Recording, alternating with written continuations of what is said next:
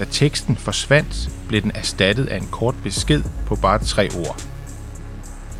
Denne besked var blevet indbygget i login-sekvensen af James Halliday selv, da han oprindeligt programmerede Oasis.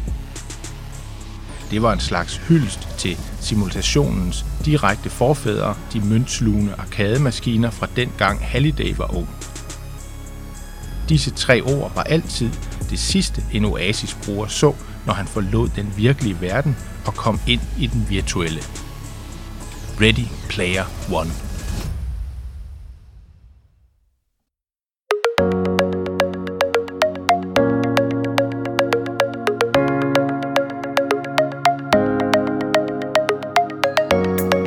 Velkommen til Æseløre, Ringsted Biblioteks podcast om bøger.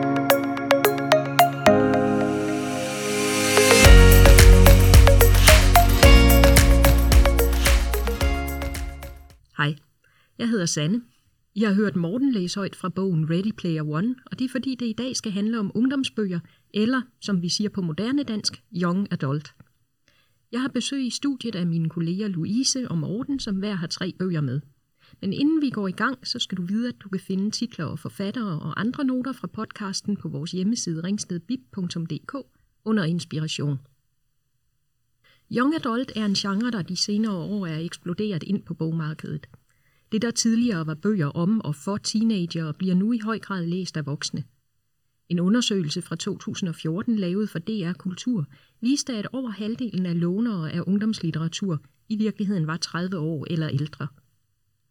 En del af forklaringen kan måske være, at identitetsdannelse i dag er noget, vi beskæftiger os med igennem hele livet, og derfor bliver ungdomsromanen med dens fokus på livets grundlæggende valg, forandringer og eksistentielle spørgsmål relevant for en stadig større og ældre gruppe af læsere. Eller måske læser vi ungdomsbøger, fordi de minder os om dengang vi selv var unge, frie og uimponerede over verden.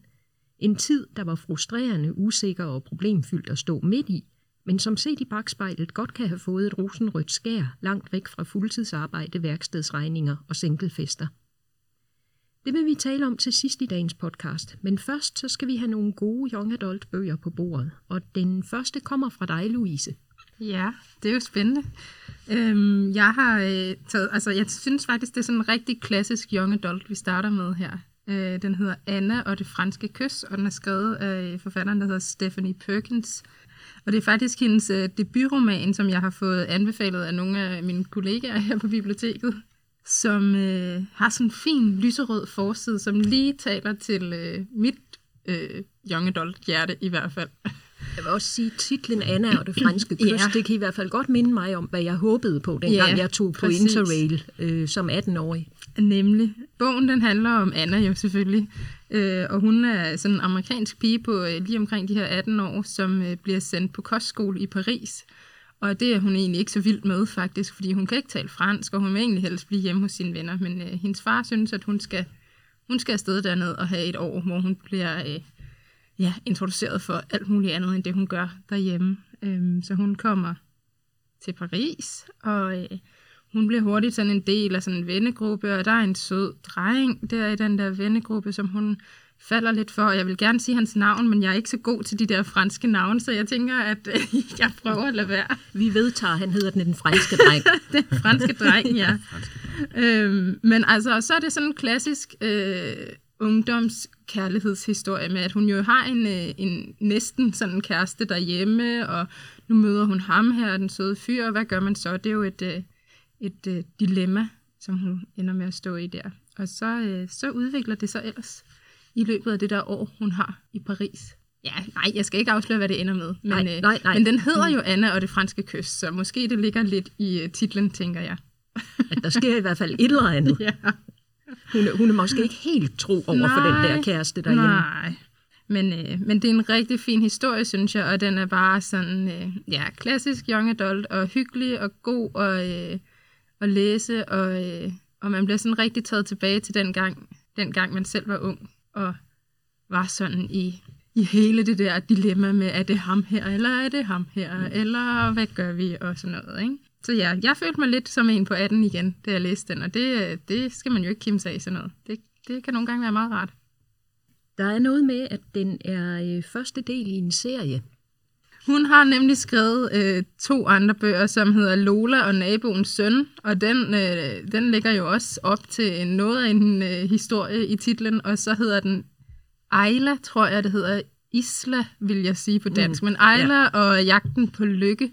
Så det er jo sådan, øh, titlerne, titlerne er meget sigende for børnene, men hun skriver virkelig godt, hende her Stephanie Perkins, og det er meget sådan dragende, og øh, nogle karakterer, som man sådan rigtig kan altså sådan, som bliver beskrevet på en god måde, så man rigtig kan leve sig ind i den måde, de sådan tænker og øh, føler på igennem bøgerne. Så, øh, og det, der gør dem til en serie, er, at, at øh, Anna, som er med fra bog Ja, hun 1, er nemlig- hun er biperson i de to Ja, næste, og præcis. Lola, som er hovedperson i er bog rigtigt. 2, er biperson er i den, i den har sidste. Så de hænger helt sådan, det er ret. den samme vennegruppe, de, det er øh, det nemlig, ja. de så bevæger der er mange, ja, de går igen, ja. øh, de her dejlige karakterer, som man falder for i løbet af bøgerne. Mm. Så ja, altså jeg var vild med den, og Mm. jeg både grinte og krummede tæer, og, øh, og var sådan også øh, lige på kanten af at fælde en tårer på nogle tidspunkter. Så det er jo, altså, for mig er det alt, hvad en bog gerne skal kunne. Alle, alle bokse er ja. Tjekket af. Yes. Ja. Morten, øh, du har en klassiker inden for ungdomslitteraturen med. En af de bøger, der sådan ofte bliver nævnt som, som den første ungdomsbog. Ja, jeg, jeg tror faktisk, du har ret i, at det måske er den første sådan ungdomsbog. Og det er jo altså sådan før, at genren young adult blev til en genre inden for ungdomsbøgerne. Men øh, den, jeg har med, det er den, der på engelsk hedder Catcher in the Rye, som øh, titlen stammer fra, fra et, et, øh, et gammelt digt. Det kommer også frem i bogen, hvad det går ud på. Men, men på dansk har den længe været kendt øh, under titlen Forbandet Ungdom. Men den blev så oversat, øh, eller genoversat i 2004 af Claus Riffbjerg, og så fik den så titlen Griberen i Ruen, som er mere tekstnær. Og øhm, det, er, øh, det er en bog, som har, altså den har fået en vis kultstatus af forskellige årsager. En af de sådan, hvad skal man sige, mere øh, sådan ubehagelige er, at, øh, at den her bog, Cats in the Ride, den havde øh, Mark David Chapman, han havde den på sig, da han øh, myrdede John Lennon i 1980. Lidt uhyggeligt. Og faktisk året efter, så var der ham, der, øh, der forsøgte at, at myrde den daværende amerikanske præsident Ronald Reagan. Han havde den faktisk liggende på sit natbord. Så det er sådan en bog, der, der, der, har, der er omspundet med, med nogle mærkelige myter, og, og den her hovedperson, øh, Holden Caulfield, er også blevet sådan en, en ungdomsrebel, sådan en James Dean-type, som, som ligesom gør op med det her fastlagte, at man skal have en uddannelse, og have en familie, og have en stor bil, og alle de der ting, dem, øh, dem, dem, dem kan han ikke rigtig kapere.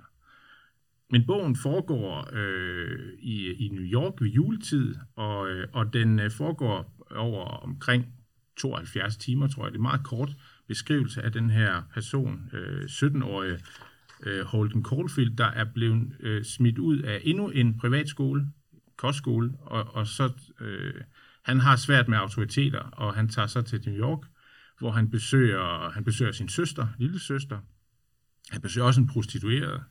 Øh, han besøger nogle venner, og ender så med at lade sig indlægge på sådan et øh, nervesanatorium. Han, øh, han, har det, han har det meget svært med, øh, med livet, og, og det er jo sådan nok det, der er ungdomstemaet i den her, i den her bog. Det er måske også noget af det, der gjorde den kontroversiel, fordi det har den jo været. Den, det er en af de bøger, der sådan har været forbudt på øh, amerikanske bibliotekers hylder øh, og i amerikanske skoler. Og det er vel det her med, at den, den svære ungdom og svært ved autoriteterne, og altså det, det er vel de ting, der har gjort, at den var kontroversiel. Ja, det, det øh, har du ret i. Altså, den, den er jo fra, øh, fra 51, men, øh, men i, øh, i starten af 60'erne, øh, der bliver den forbudt. Altså, første gang bliver den simpelthen øh, forbudt i, øh, i en, øh, en skole i Tulsa, Oklahoma. En underviser, der den tager den op, og hun bliver simpelthen fyret af skolebestyrelsen. Sådan noget smus vil man ikke have, at man skal undervise eleverne i der. Og den er blevet forbudt øh, mange steder i USA, på biblioteker og på skoler. Øh, men samtidig er det også den mest brugte undervisningsbog øh, i USA. Så, Ja. så det er virkelig et, et, altså en, en kontrastfyldt oplevelse, den her bog kan give. Men, men, men det er jo klart, den, den har jo, øh, nu har den nogle år på banen, så, så jeg tror ikke, vi vil blive så stødt af den i dag, men den har jo meget, den handler jo om sex, og den handler om stoffer og om druk, øh, og, og den sprog er også øh, det, man sådan vil kalde øh, dårligt sprog, ikke? Mm-hmm. Øh, meget slang. Yeah. Og, øh, og, og det er åbenbart øh, det, det der med, at, at at unge skal være unge, har måske også været lidt svært at sluge på det tidspunkt. Mm. Sådan før ungdomsoprøret kommer i gang. Men 51, det er vel også omtrent der, hvor vi sådan begynder at få ungdomsbegrebet som, altså, som et, et begreb. Øh, få teenager som et, som et begreb, hvor man tidligere, nu forenkler jeg det meget, men hvor man tidligere gik lidt mere direkte fra barn til voksen. Så var man klar til at komme ud på arbejdsmarkedet, så var det bare i gang med livet. Mm. Øh, så begyndte ungdomsbegrebet at komme der i kølvandet på, på 2. verdenskrig. Øh, og, og i Danmark fik vi jo nogle tilsvarende øh, forbandede ungdom, som den hed dengang, fik vi jo Claus Rifbjergs øh, Den kroniske uskyld og Leif Panduros Rent mig i traditionerne, som også var de her med, med, med unge mennesker, der ikke rigtig kunne finde deres hylde i livet, og ikke rigtig kunne finde deres vej, og eksperimenterede med nogle ting, og altså, det, det, det, var noget, der ikke havde været før på samme måde som en del af litteraturen og som en del af ja, livet i bund og grund. Ja, og det er samtidig med, at, at hovedpersonen her er, er ung, så har han også nogle problemer at kæmpe med. Han har haft en lillebror, der er død. Øh, en lillebror, han holdt utrolig meget af. Øh, noget, der gjorde et stort indtryk på ham. Han, øh, det blev beskrevet i bogen, at, at da, da lillebroren øh, dør, der, der smadrer han alle ruderne i huset med sin, øh, med sin hånd, og han har faktisk stadigvæk øh, øh, problemer med hånden efter de skader, han fik der. Og, og han har simpelthen svært ved at se et formål med, med sit liv, altså at engagere sig i noget, øh, fordi han ser den her virkelighed og den her voksenverden som, som en eller anden form for øh, hyklerisk facade. Øh, for eksempel den skole, han går på, øh, det, er, det er sådan en, en, en fin skole. Øh, øh Pensi kalder de den. Pensi Preparatory Academy. Øh, det ligger i Pennsylvania. Jeg tror, der ligger mange af den slags skoler, hvor man sender, han er jo nok sådan fra middelklassen, øh, sender sine børn hen for at få en uddannelse. Og, og den her brochure, der er for skolen, der har, der har sådan på forsiden, skriver han, der er sådan en cowboy på en hest, der springer over et eller andet. Det er sådan et sted, hvor man bliver opdraget til at være nogle friske drenge. Og som han siger, jeg har sgu aldrig set en hest på den her skole.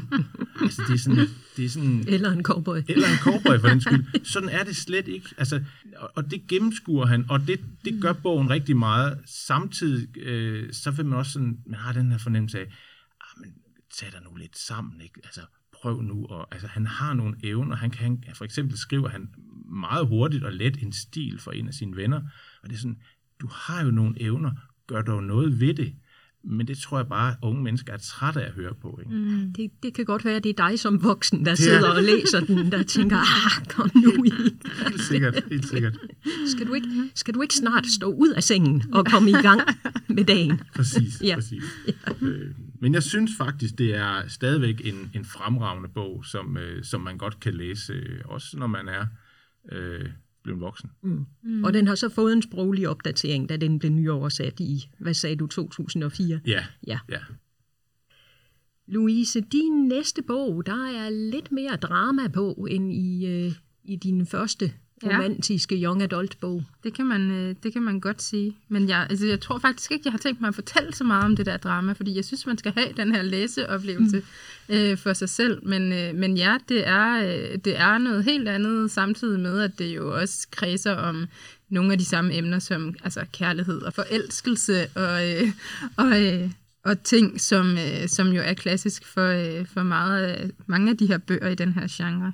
Men den hedder Vi var løgnere, og den er skrevet af E. Lockhart. Og den er på 229 sider og øh, er virkelig hurtigt læst, fordi at øh, man simpelthen bare bliver nødt til at komme frem til øh, slutningen for at finde ud af, hvad det er, der sker, og hvad det er, der foregår i den her bog. Og jeg havde faktisk ikke, altså jeg havde ikke læst eller hørt om noget andet af den her forfatter, inden at jeg fik uh, bogen anbefalet igen, også af nogle af mine kollegaer her på biblioteket. Det er jo det, vi de kan er, de er så gode at gå til, ja. øhm, men altså, jeg slugte den lynhurtigt. Jeg tror, jeg havde læst den i løbet af en eller to aftener. Fordi at, øh, altså, jeg fik også at vide fra starten af, at, øh, at der var, altså, der kom til at ske noget i den her bog, som, øh, som var øh, helt, øh, helt vildt. Der var sådan en helt øh, vild plot twist til sidst. Øhm, og det skulle jeg jo selvfølgelig frem til. Og, øh, og finde ud af, hvad er det, der foregår her. Og var det lidt øhm, vildt? Det synes jeg, Ja. ja. Altså, jeg havde i hvert fald ikke... øh, Jeg, nogle gange, når man læser sådan nogle bøger, hvor, man, øh, altså, hvor der sker sådan et eller andet, så tænker man, ja, det havde jeg lidt set komme mm. jo, ikke? Øh, Det havde jeg overhovedet ikke her. Så jeg synes faktisk, at, ja, at den var både øh, overraskende og virkelig fængende øh, undervejs også, så man sådan blev, altså, fik følelsen af, at man blev ved. Man blev nødt til at blive ved med at læse, for at finde ud af, hvad det var, der skete, ikke? Men det, det er fint, du ikke siger noget om sådan selve dramaet og selve plottet, fordi vi er en Ja. spoilerfri podcast, som Ja. vi ynder at minde om mange gange i løbet af, i løbet af podcasten. Ja. Men du kan måske sige lidt Jeg om godt rammen sådan og, kort og for- hovedpersonerne.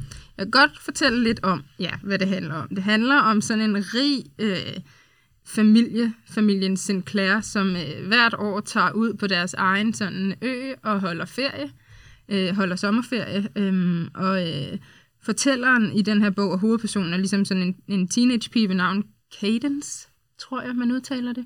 Ja. Det beslutter vi os for. Ja, det er beslutter vi os for. De her, øh, den her familie, de er, øh, de er meget rige, og de er øh, meget, meget hvide, hvis man må sige det. Og, øh, og så øh, holder de sådan nogle meget perfekte sommerferier ude på den der ø, hvor de har øh, sådan nogle øh, store, øh, store huse med masser af værelser, og, øh, og hvor de bare kan gøre, hvad de har lyst til, fordi det er nærmest kun af dem, der er der jo. Og så øh, stille og roligt i den her bog, så fortæller hende her Kaden så øh, historien om den her sommer. Altså, som hun egentlig ikke kan huske, men som hun alligevel godt lidt kan huske. Øh, og der, der, der er sket sådan et eller andet, der gør, at det er så lidt mudret i hovedet på hende. Og hun har, nogle, hun har meget ondt i hovedet og lider af sådan nogle migræner og sådan noget, men hun ved ikke rigtig, hvorfor og hvad det er, der er sket. Og det er så det, man sådan... Så en sommer, der ligger nogle år tilbage, Ja, som hun præcis. ser tilbage på og prøver at, at nemlig. finde ud af, hvad der er sket. Ja. Ja.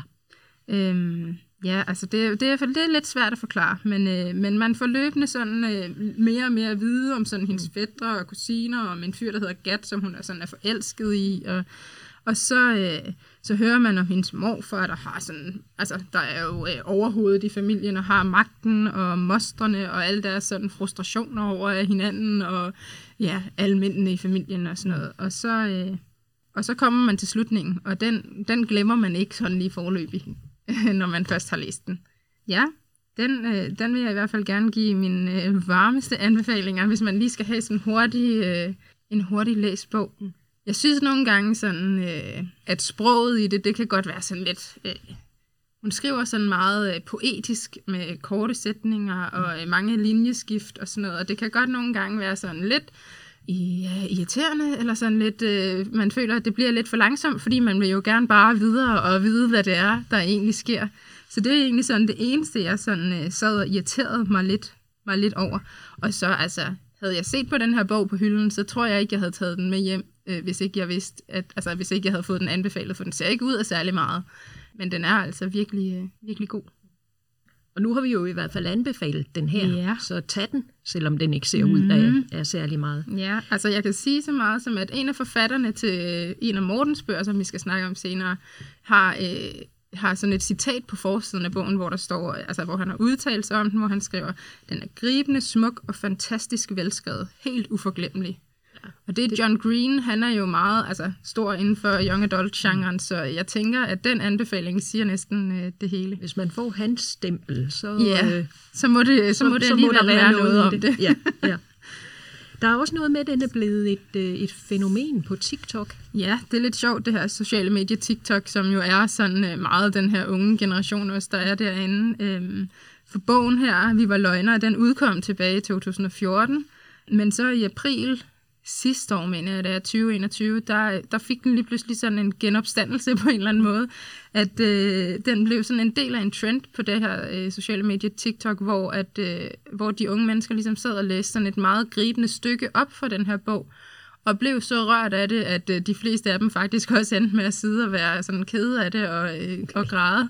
Og det, det var sådan, øh, lige pludselig oplevede forlagene jo, at øh, bøgerne blev solgt i, øh, altså i meget større grad, end den egentlig ville ellers, når det nu er en bog, der er tilbage fra 2014, og der var ventelister på den på biblioteket, som der ellers ikke havde været i, øh, i noget tid og sådan. Så det synes jeg er meget sjovt, at, øh, at unge mennesker på den måde også kan dele deres sådan læseglæde på det her sociale medie, og det så kan resultere i, at der rent faktisk er flere, der øh, kommer ud og læser den her bog. Det synes jeg er meget øh, fedt.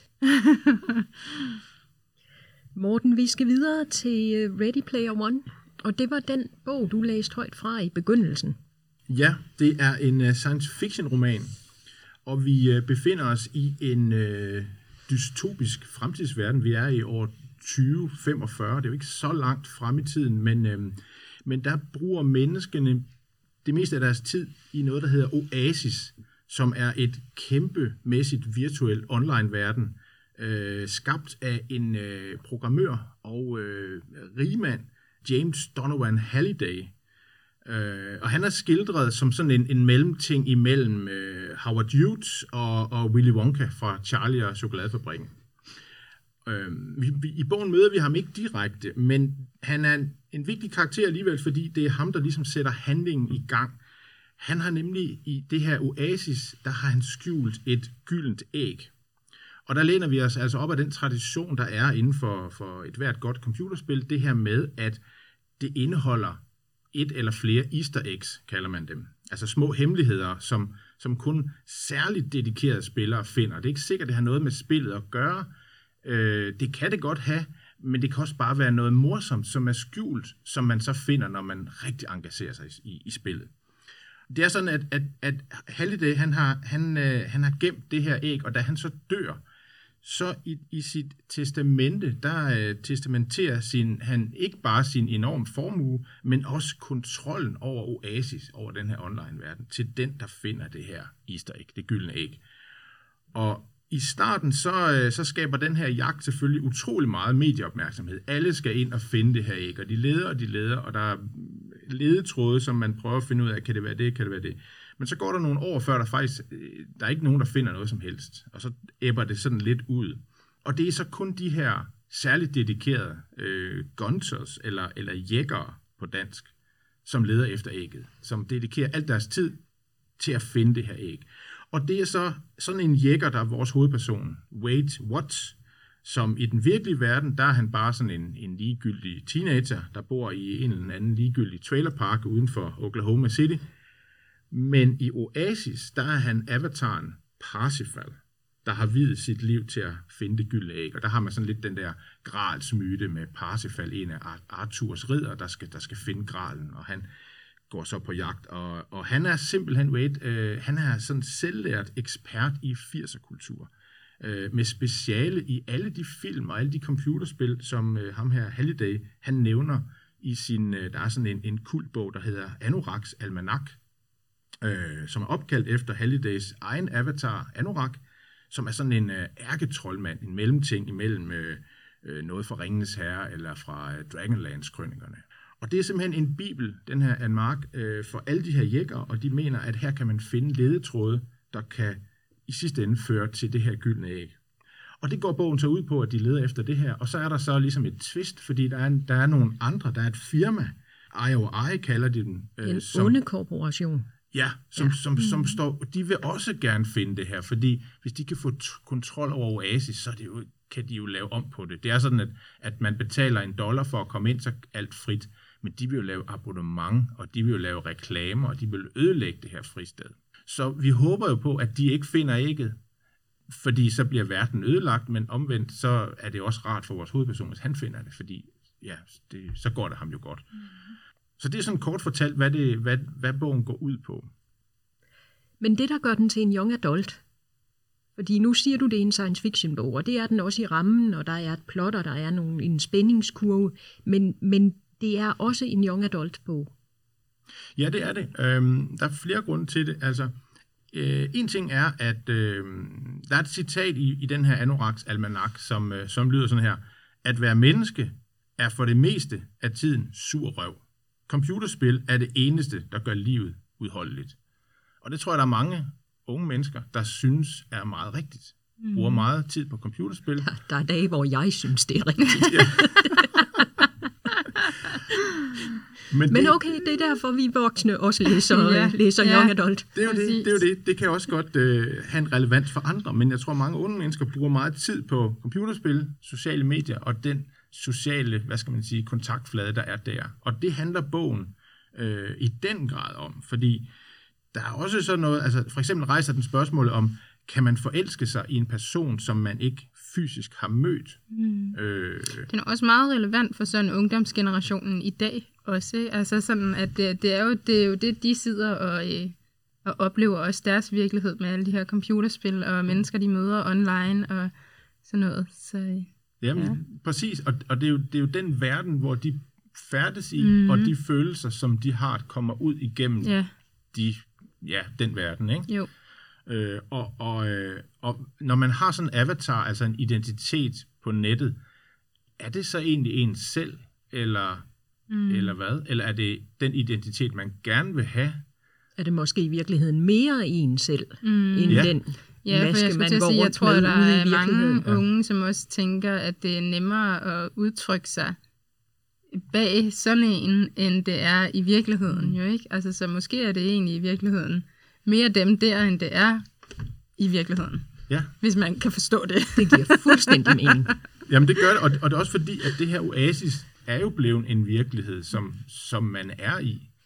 Altså man kan selvfølgelig læse uh, Ready Player One som sådan et spændende action-eventyr, uh, og, og noget jeg godt kan lide, det er det her, de mange referencer til 80'ernes uh, popkultur. Men jeg synes også, den har nogle kvaliteter, der stikker dybere. Netop det her om, om altså det meget stærke tema omkring identitet. Og der er noget forelskelse også, mm. og der er også noget, der er også det her med, jamen, hvad er det for en verden, man gerne vil leve i? Altså, hvordan skaber man sin fremtid og en verden, som giver mening for en selv, men som ikke bliver bundet fast af, øh, ja, i det her tilfælde er det kommercielle firmaer, men, men måske også af, af voksne og, og traditioner. Øh, det, det, det er altså en stor verden på nettet, hvor man kan gøre, hvad man vil, må være et slaraffenland mm. for et ungt menneske. Mm. Den er filmatiseret også, ikke? Jo, det er den. Det er Ja, den. ja, for jeg skulle til at se, jeg ja. så forleden en øh, på Instagram, som jeg jo så bare følger, der øh, rent faktisk sad og så filmen. Så øh, Og det er det var meget sjovt. Så tænkte jeg lige på, at vi skulle, den skulle vi snakke om. Ja, og i det er, jo- det er Steven Spielberg, der har instrueret den. Ah, og han ja. er også nævnt i bogen, fordi han er selvfølgelig en af Hallidays helt store helte. Mm.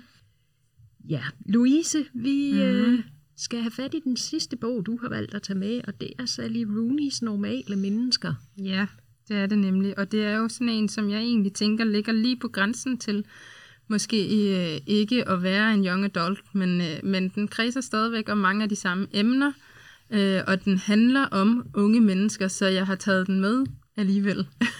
Men hvad er det, der gør, den ligger lige på grænsen? Mm, jamen, øhm, fordi at øh, den er sådan, altså, den er bare relevant for voksne også. Altså, og det er en, en virkelig god fortælling om sådan ungdom for voksne i alle aldre, kan man sige. Så det er ikke kun øh, unge voksne, men det er også øh, gamle voksne, kan man sige det? Ældre voksne. Voksne, voksne unge. Øhm.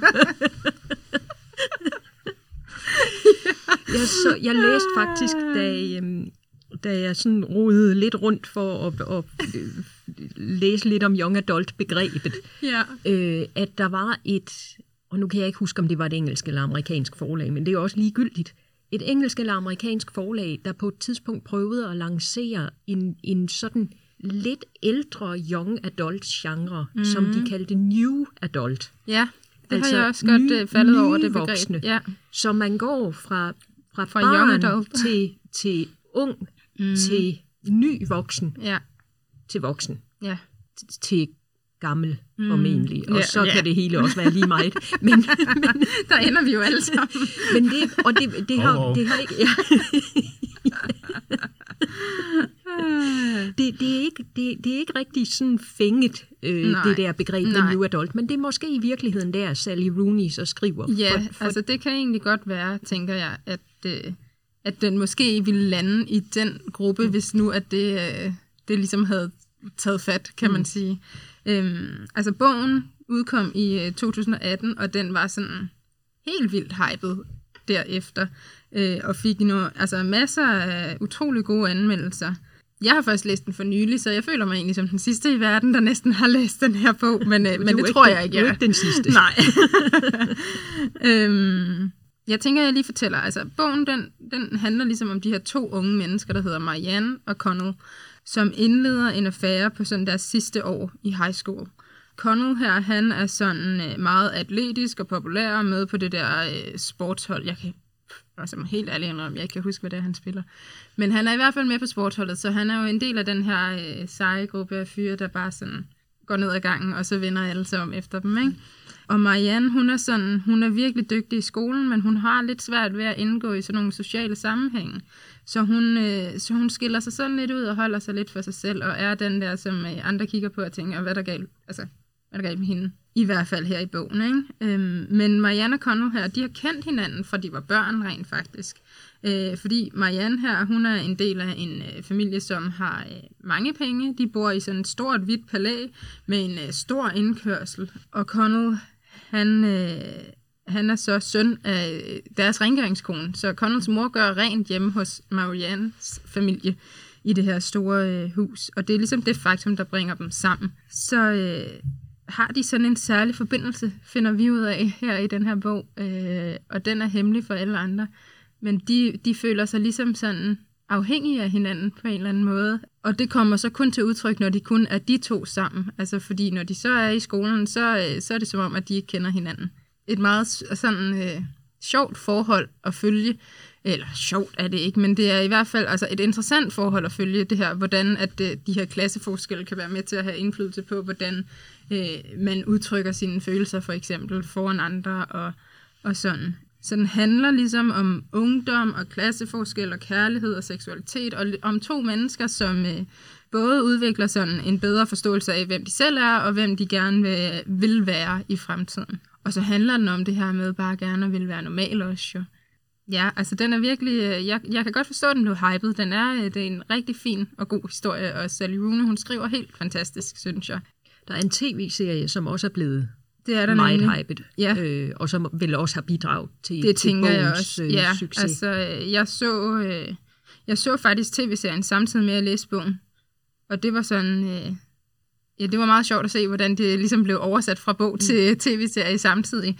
Men, øh, men ja, altså den er også vanvittig god, og den slugte jeg også i løbet af ingen tid, ligesom med bogen. Øhm, fordi at, øh, at de bare skildrede virkelig godt i den der tv-serie, øh, så man kan genkende den 100% fra bogen.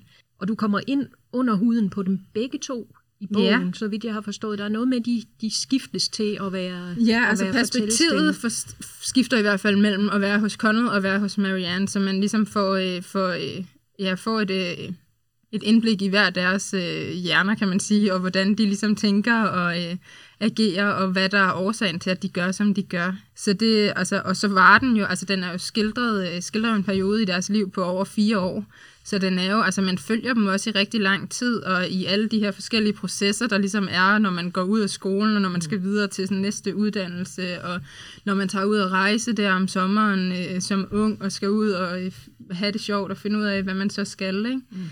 Så den er meget, øh, meget relaterbar for sådan, altså for unge mennesker, tænker jeg, som er i det her, men også for, for ældre, som jo, eller ældre, altså nye os, voksne. der er nye voksne, nye voksne, ja, som kan genkende alt det, de selv ligesom stod i øh, dengang. Og så er den bare sådan, den er ikke sådan, den er ikke lyserød. Altså jeg vil sige, mange af de der andre sådan uh, young adult bøger kan godt være sådan lidt, uh, have sådan lyserødt skær over sig, ikke? Altså der sker nogle forfærdelige ting måske nogle gange, og så, så ender det hele sådan godt. Mm. Men den er meget sådan uh, realistisk, altså synes jeg, den er nem at forholde sig til. Den skal man læse, synes jeg. Den skal man også læse. Den skal man også, Også læse. læse, Ja. Så jeg har lige fået tre bøger, der skal på øh, listen. som man skal læse. Men det er jo det, Eller man seks går, bøger. Det er jo det, man går ind til, når man, øh, når man sætter sig ned og lytter Ja. til æseløer. Det er øh, seks bøger til listen over ting, man Ja. virkelig burde se og få læst mm. i sit liv. Morten, den øh, sidste bog i dag, det er en, du har med, og det er John Green, som vi har henvist lidt til tidligere, som en af de helt store stjerner på, på Young Adult forfatterhimlen. Og det er en rigtig tårepærser, mm. efter hvad jeg har forstået. Altså, det er en bog, som øh, rammer dig i maven og sætter sig som sådan en klump i halsen bagefter. Ja. Og, Man skal lige have en par Kleenex klar, Ja. når man sådan sætter sig det, godt til rette for at læse den. Det skal man. Det er øh, Hazel Grace, som er fortællerstemmen. Meget sympatisk. Altså, hende kommer man simpelthen til at holde så meget af.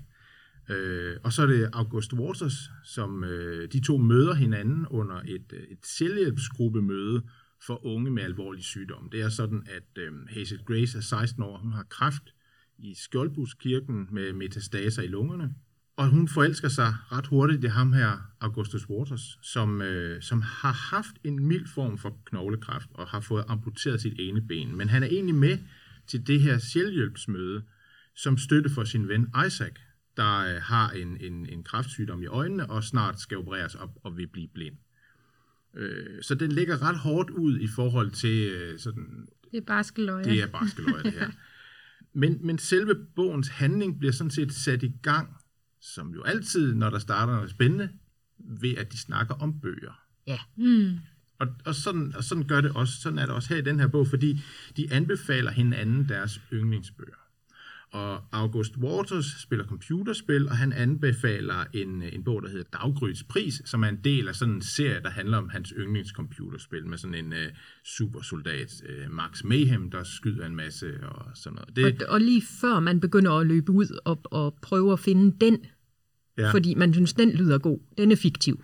Den eksisterer kun i en flænge i himlen. Det skal du ikke sige, mm-hmm. fordi John Green har faktisk skrevet den efterfølgende. Fedt. Så den kan man godt finde. Det kan man. Okay. Så øh, ja. Øh, Det er jo meget smart af forfatteren, ikke? Altså, Jo. øh, sådan øh, skrive om en fiktiv bog, og så rent faktisk skrive den bag. skrive Så vil man jo læse den. Ja. ja. og, og det har han selvfølgelig gjort, fordi der har mange fans, der har, der har sagt, ej, Ja. hvor er den og sådan noget. Og så har han selvfølgelig måske også haft lyst til at skrive den. Og, Mm. Men, men den, det er ikke så meget den egentlig, fordi Hazel er ikke så vild med den. Hun siger, at der er for mange lige i den, og for mange adjektiver. Det interesserer hende ikke. Men hun har sådan i sin yndlingsbog, som er absolut yndlingsbog, hun har læst mindst 10 gange, tror jeg, hun skriver, en fyrstelig lidelse, som er skrevet af forfatteren Peter van Højten. Og den anbefaler hun så til, øh, til Augustus, og han læser den, og den handler om en pige, der hedder Anna, som har, øh, hun, hun har også kræft, og hun dør i en alder af 8 år. Der er bare problemet med den her bog, fordi der bryder forfatteren læserkontrakten ved at lade bogen fremstå uden slutning. Den slutter simpelthen midt i en sætning, så der, så der er mange ting, man ikke får svar på. Mm. Øh, og, og Hazel, da de diskuterer det, for det kan Augustus slet ikke affinde sig med, jamen det kan man ikke. Øh, men hun siger, at det, er for, det er jo fordi, at livet kan jo slutte midt i en sætning, fordi så er man for syg til at skrive videre, eller man dør, eller det slutter bræt. Døden kommer lige pludselig, og så er det det, og det kan være midt i en sætning, og det er sådan ideen med det. Men altså, den køber Augustus ikke. Han kan sådan set godt lide bogen, og han er sådan en mere handekraftig person. Han får selvfølgelig skrevet til ham her, øh, Van Holten, og får lavet det sådan, at de skal ned og besøge ham, så de kan få svar på de her spørgsmål. Og så kører bogen ellers bare øh, der, derudad. Igen, der bliver flettet utrolig mange ting ind i den her fortælling. Der er for eksempel noget af det, som jeg synes er, er, er meget interessant, det er det her med, at de snakker om, at på et tidspunkt om, om, om en, uendel, en mængden af uendeligheder, kan der være en uendelighed, der er større end en anden uendelighed. Det er sådan et matematisk spørgsmål, problem, over, lidt over i filosofien. Men det, men det er sådan, anledningen er sådan lidt det her med, at et menneskeliv ikke måles efter dets længde, men efter det indhold, man putter ind i det. Mm. Og det er jo en utrolig vigtig pointe, fordi det er klart, når man er ung, som jo er temaet for de bøger, vi snakker om nu, så har man jo livet for sig. Men det er ikke alle unge mennesker, der har det. Og Nej. hvordan takler man de problemer? Mm. Og, og takler man dem anderledes, øh, hvis man er ramt af en alvorlig livstruende sygdom, end hvis man ikke er? Det er ikke sikkert. Skal man leve et andet liv, fordi man har fået konstateret, at man har fået kræft? Eller skal man? Hvad skal man? Altså, mm. Og det er store spørgsmål, og nu øh, kan jeg mærke, at den her klump er ved at snige sig op i, i Vi halsen. skulle også, vi skulle også Så, have haft øh, Kleenex med ja, til, jeg skulle til have taget med i- podcasten. ja. ja. Så Øh. den er meget, meget, meget, meget anbefalesværdig. Sæt den øverst på listen Ja, måske. jeg skulle til at sige, jeg har også læst den. Ja. Det er faktisk den eneste af de bøger, du har med i dag, som Men- jeg også har Mm. læst. Og det, den skal man læse. Ja. Er du ikke Ja. enig i, at det, den, det er, er, den en- er virkelig barsk, men, øh, men den er også øh, virkelig god, og den får en til at reflektere over mange ting rigt, rigtig meget? efterfølgende. Ikke? Og jeg synes Øhm. nu, vi spoiler jo ikke, og det er jeg rigtig glad for, fordi hvis man skulle Mhm. mm-hmm. snakke om slutningen på den her bog, altså når man kommer hen i bogen, så øh, det tror jeg ikke, jeg kunne simpelthen. Nej. Fordi det er... Jeg tror, altså igen, som en af de bøger, du havde med, Louise, der gemmer sig noget i den her bog. Ja. Der er også en fantastisk slutning i den Ja, her, som det faktisk er der er, er et twist. Så den slutter ikke midt i en sætning. Det gør den ikke. Nej. Det var de øh, seks bøger, som I har med i dag. Men jeg lagde jo også lidt op til i starten, at vi skulle prøve at vende, hvad er det egentlig, der gør, at, at øh, voksne mennesker får noget ud af at læse Young Adult, når nu det er blevet så øh, vanvittigt stor en genre, også for mennesker, der er 30 år plus.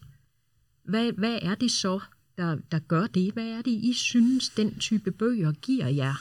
Jeg tror, altså det er lidt som du sagde sådan i introen her, det der med, at, øh, at man bliver sådan ført tilbage til den gang, hvor man selv stod i alle de her situationer, som man kan genkende i mange af de bøger, øh, som gør, at øh, sådan at man lige får mulighed for at reflektere over sit eget liv, og de valg, man tog dengang, og er det, var det, øh, ja, altså, man kan jo ikke rigtig gøre det om, kan man sige, men, øh, men man kan godt tænke lidt over, hvordan det var. Det er jo en helt genre i mindes- sig selv, Ja. det der med at, øh, at Ja. prøve at gøre valg om. Ja, men, altså, men det der med at mindes den tid, hvor man selv var ung og fri, og ikke skulle forholde sig til øh, øh, lån i banken og alle mulige mærkelige voksen ting, som man skal forholde sig til nu. Altså dengang var man jo bare sådan ung og fri, og havde hele verden foran sig, og det er jo faktisk en meget rar følelse. Nogle gange kan det godt være lidt overvældende også, ikke? Men, øh, men ja, det kan jeg i hvert fald godt lide, at blive ført tilbage til den gang, når jeg læser bøgerne. Men jeg synes, jeg synes også, som du siger, Louise, at det er det, er det her med, at man kommer tilbage og, og, og bliver sådan konfronteret med nogle af de tanker, man havde selv, da man var ung og i den alder. Øh, og så samtidig, så synes jeg, at, at det kan godt være, at man, man, man ældes, hvad man jo gør, men, men mentalt er man jo måske bare den samme, som man var dengang. Altså, det, jeg kan stadigvæk lide tegneserier. Det kunne mm. jeg også, da jeg var teenager Ja. Og så videre, og så videre. Og derfor så, så er det sådan et, et, et paradoks, at man er fanget i en krop, der har nogle begrænsninger, øh, hvor tiden er en af dem, men ånden eller det mentale faktisk er frit, eller kan blive ved med at være frit, hvis man, hvis man giver det lov til det. Mm. Og det synes jeg, det giver sådan en frisk øh, pust, når man læser Young Adult. Med de ord om øh, grunden til, at vi læser Young Adult, selvom vi for længst øh, sådan set heller ikke er New Adults længere, øh, der skal vi til at slutte af.